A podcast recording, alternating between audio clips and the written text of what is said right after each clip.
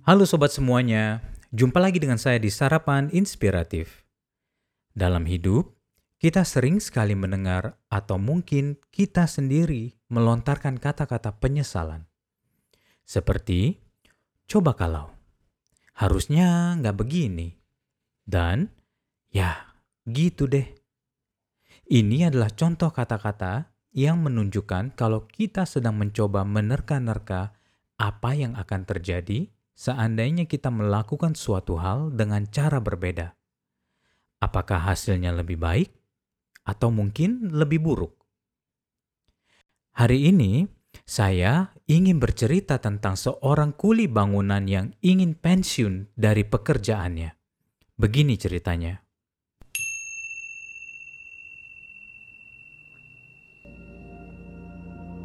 Pak Budi adalah seorang mandor bangunan yang sudah berpengalaman dan cukup berumur.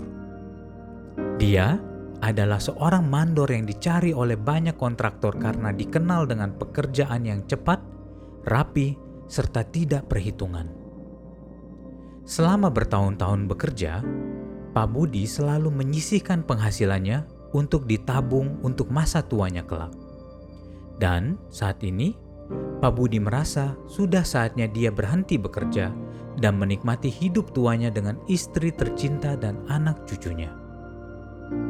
Lalu, dia menyempatkan waktu untuk mendatangi bosnya dan memberitahukan rencananya untuk pensiun.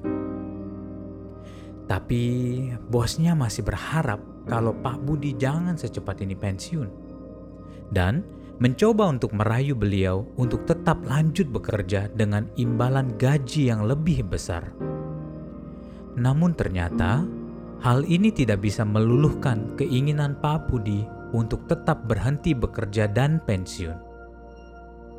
Maka, dengan terpaksa bos Pak Budi menyetujui rencana beliau dengan satu syarat, yaitu untuk menyelesaikan satu unit rumah besar yang telah terlanjur dia janjikan dan harus diselesaikan sebaik-baiknya beserta semua isinya. Artinya, proyek kali ini adalah proyek penyelesaian rumah tanpa tenggat waktu. Melihat permintaan ini, Pak Budi berpikir dalam hati kalau bosnya sengaja membuat dia melakukan pekerjaan ini guna untuk membuat Pak Budi bekerja lebih lama. Tapi karena tidak ada jalan lain, untuk menunjukkan keseriusan Pak Budi untuk berhenti dan pensiun, ia pun menyetujui untuk mengerjakan proyek ini yang sepertinya memakan waktu yang tidak sebentar. Pak Budi mulai mengerjakan proyek ini yang dianggapnya adalah proyek terakhir dalam hidupnya. Karena merasa proyek ini adalah proyek terakhirnya, Pak Budi mulai mengerjakannya dengan setengah hati. Tidak lagi dia memilih kayu yang terbaik untuk furniture dan pintu-pintu rumah. Tidak lagi dia mengaduk semen dengan baik. Tidak lagi dia bekerja sampai larut malam semua pekerjaan yang dia lakukan di proyek ini, dia lakukan dengan serampangan dengan satu tujuan, yaitu menyelesaikannya dengan secepat-cepatnya. Saat dia sudah menyelesaikan proyek tersebut, Pak Budi mendatangi bosnya untuk melaporkan semua pekerjaannya. Kembali lagi dengan harapan agar dia bisa secepatnya pensiun. Setelah mendengar laporan Pak Budi, bosnya lalu memberikan satu kunci kepada Pak Budi yang ternyata adalah kunci rumah tersebut.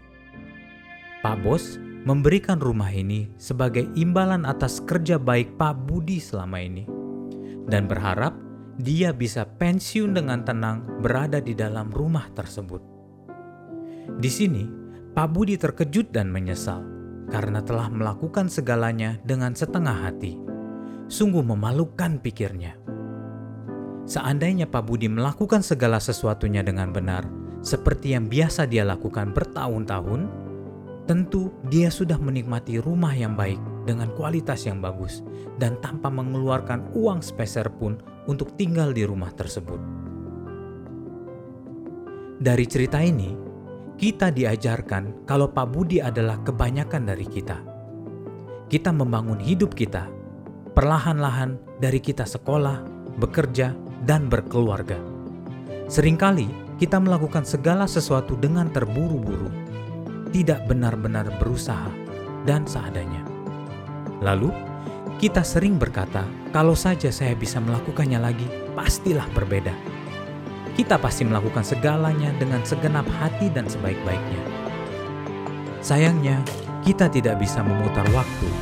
Setiap hari, kehidupan kita ini ibarat tukang bangunan yang sedang membangun rumah harus kita kerjakan sebaik-baiknya. Tentunya agar kita merasakan hasil yang terbaik atas semua jeripaya yang sudah kita kerjakan. Jadi, sikapmu dan pilihanmu lah yang membentuk hidupmu sekarang ini, yang membantumu dalam membangun rumahmu di esok hari. Jadi berbuatlah dengan sungguh-sungguh, sebab hidupmu tanggung jawabmu.